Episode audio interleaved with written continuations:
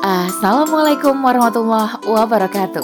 Bersua udara bersama saya Dewi Nasya. Kali ini di rubrik motivasi Dengan judul Menjadi sosok terasing di antara orang-orang yang berpaling Oleh Atin. Perbaikan yang sedang diperjuangkan tersebut tidak hanya di level pribadi Tetapi sampai kepada masyarakat Hingga institusi yang disebut dengan daulah khilafah yang akan menerapkan sistem Islam. Apabila institusi ini belum terwujud, maka harapan adanya sebuah keberkahan hanyalah sebuah impian. Simak seutuhnya di podcast Narasi Pos Media. Narasi Pos, cerdas dalam literasi media, bijak menangkap peristiwa kunci. Islam muncul pertama kali dalam keadaan terasing dan akan kembali terasing sebagaimana mulainya.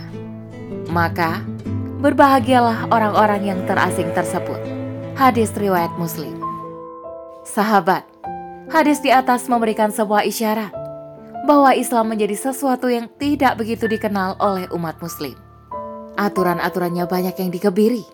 Sebagian besar umat bahkan merasa takut dengan aturan agamanya sendiri.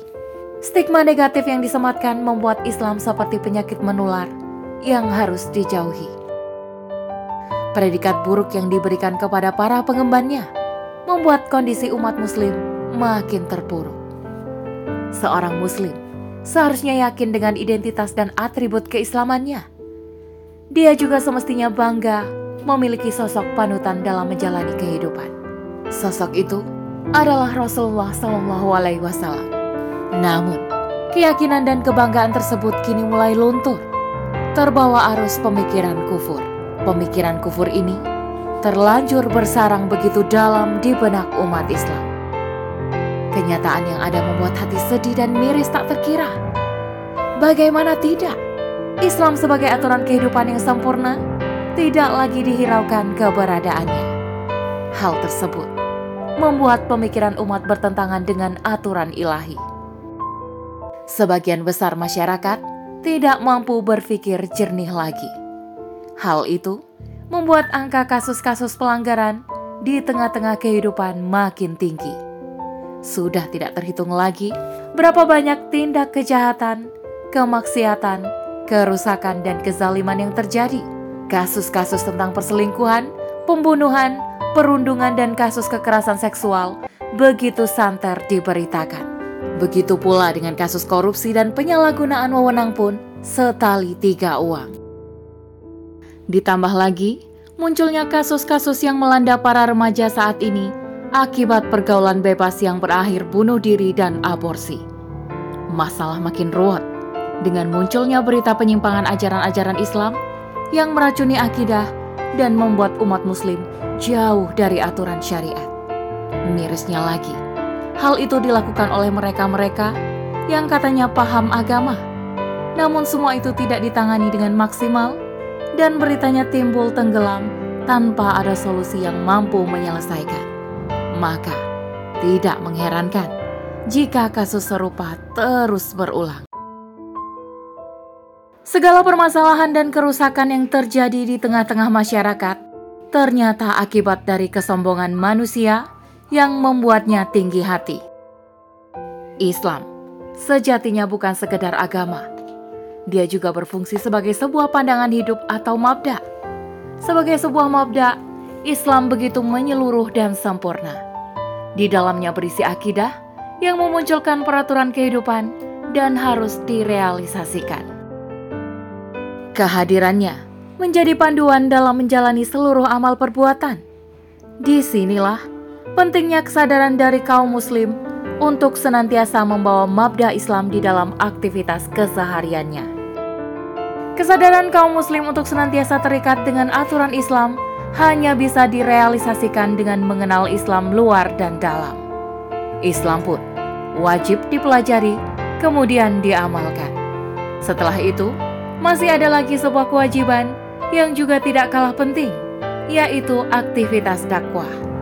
Dakwah merupakan upaya menyampaikan kepada umat lebih memahami Islam. Di samping itu, terdapat usaha mengingatkan agar terhindar dari perbuatan yang melanggar aturan. Hal itu merupakan sebuah kepedulian sebagai sesama umat Islam. Dakwah itu sendiri menjadi denyut nadi bagi seluruh kaum muslim agar makin dekat dan taat kepada aturan syariat yang telah diperintahkan oleh Zat yang Maha Kuat. Perintah tersebut tercantum dalam firman Allah SWT, Serulah manusia kepada jalan Tuhanmu dengan hikmah dan pelajaran yang baik. Sesungguhnya, Tuhanmu, dialah yang lebih mengetahui tentang siapa yang tersesat dari jalannya, dan dialah yang lebih mengetahui orang-orang yang mendapat petunjuk. Quran Surah At-Taubah ayat 71 Aktivitas dakwah tidak hanya sekedar membentuk pribadi-pribadi yang lebih baik dan paham Islam, namun lebih dari itu, harus ada usaha perbaikan dalam berpikir dan bertindak, agar sesuai dengan apa yang telah menjadi perintah dan apa yang telah menjadi larangan dari Allah Subhanahu wa taala. Upaya perbaikan inilah yang sedang diperjuangkan oleh orang-orang yang telah tercerahkan oleh Islam sebagai agama sekaligus pandangan hidupnya. Perbaikan yang sedang diperjuangkan tersebut tidak hanya di level pribadi, tetapi sampai kepada masyarakat hingga institusi. Sebab ada aturan-aturan Islam yang hanya bisa diterapkan jika institusi ini telah berdiri. Institusi inilah yang disebut dengan daulah khilafah yang akan menerapkan sistem Islam Apabila institusi ini belum terwujud, maka harapan adanya sebuah keberkahan hanyalah sebuah impian. Upaya perbaikan tersebut bukanlah sesuatu yang mudah diraih, tetapi harus diperjuangkan dengan semangat baca dan tanpa pamrih. Tentunya, hanya orang-orang tertentu yang mau berjuang dalam melakukan perbaikan secara keseluruhan di berbagai aspek kehidupan. Mereka menjadi orang-orang yang memilih untuk mengembalikan kondisi umat yang telah rusak oleh pemikiran yang menyesatkan. Orang-orang tersebut akhirnya mendapat predikat sebagai sosok-sosok yang terasing, sebab apa yang mereka bawa merupakan suatu yang bertentangan dengan kebiasaan yang ada di tengah-tengah masyarakat. Mereka menyerukan Islam sebagai denyut nadi dalam kehidupan. Islam juga bukan sekedar identitas, tetapi berisi amalan yang totalitas. Maka dari itu, seluruh aturannya tidak boleh saling terlepas. Dia menjadi satu kesatuan yang tidak boleh terpisah agar kehidupan umat manusia menjadi penuh berkah. Keberadaan sosok-sosok terasing tersebut nantinya bisa membawa perbaikan dan perubahan bagi umat muslim. Karena mereka bagian dari hamba-hamba Allah Subhanahu wa taala yang tidak henti-hentinya menyampaikan kebaikan Islam di setiap aktivitas kehidupan. Mereka pun tak pernah bosan dalam mengedukasi umat Muslim agar mampu menghadapi berbagai hambatan dan tantangan yang berat. Jumlahnya yang sedikit tidak menyurutkan langkah mereka untuk terus berdakwah, sebab mereka yakin dengan kedahsyatan aktivitas dakwah Rasulullah SAW. Dakwah tersebut menjadikan mereka tidak kenal lelah dalam melawan kekufuran yang salah kaprah. Mereka juga tidak ragu untuk berkorban apa saja termasuk rela kehilangan nyawa. Mereka menjadikan ridho Allah SWT sebagai hal yang utama. Sosok-sosok terasing inilah yang mengikuti apa-apa yang telah dicontohkan oleh Rasulullah. Kesetiaan Bilal bin Rabah, keluarga Yasir, Ibnu Mas'ud dan Abu Zar al-Ghifari menjadi inspirasi bagi mereka betapa para sahabat tersebut tidak mundur sedikit pun dari jalan dakwah meskipun harus menghadapi berbagai macam siksaan dan berbagai intimidasi dari orang-orang kafir Quraisy. Semua itu dilakukan untuk sebuah tujuan mulia agar umat tercerahkan oleh cahaya ilahi.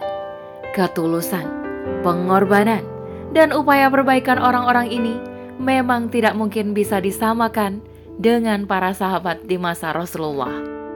Namun, rasa keimanan, keyakinan, dan keteguhan mereka terhadap risalah yang dibawa oleh Rasulullah menjadikan mereka istimewa. Untuk hal ini, Rasulullah telah bersabda, akan datang suatu kaum pada hari kiamat kelak. Cahaya mereka bagaikan cahaya matahari. Abu Bakar berkata, Apakah mereka itu kami, wahai Rasulullah? Rasulullah bersabda, Bukan, dan khusus untuk kalian ada kebaikan yang banyak. Mereka adalah orang-orang fakir dan orang-orang yang berhijrah yang berkumpul dari seluruh pelosok bumi. Kemudian beliau bersabda, "Kebahagiaan bagi orang-orang yang terasing. Kebahagiaan bagi orang-orang yang terasing." Ditanyakan kepada beliau, "Siapakah orang-orang yang terasing itu, wahai Rasulullah?" Rasulullah bersabda, "Mereka adalah orang-orang soleh di antara kebanyakan manusia yang buruk, di mana orang yang menentang mereka lebih banyak daripada yang menaatinya." Hadis riwayat Ahmad dan At-Tabrani. Itulah keistimewaan yang diberikan kepada orang-orang yang terasing tersebut. Pahala dari Allah taala pasti sesuatu yang juga istimewa. Pahala tersebut bukan hanya bersifat duniawi, tetapi sampai kepada sesuatu yang menjadi harapan dan doa setiap muslim, yaitu keselamatan hakiki di akhirat nanti. Maka dari itu, jangan pernah ragu untuk menjadi sosok-sosok terasing di antara orang-orang yang berpaling. Wallahu a'lam bisawab. Demikian rubrik motivasi kali ini. Sampai bertemu di rubrik motivasi selanjutnya. Saya Dewi Nasya undur diri. Afu minkum. Wassalamualaikum warahmatullahi wabarakatuh.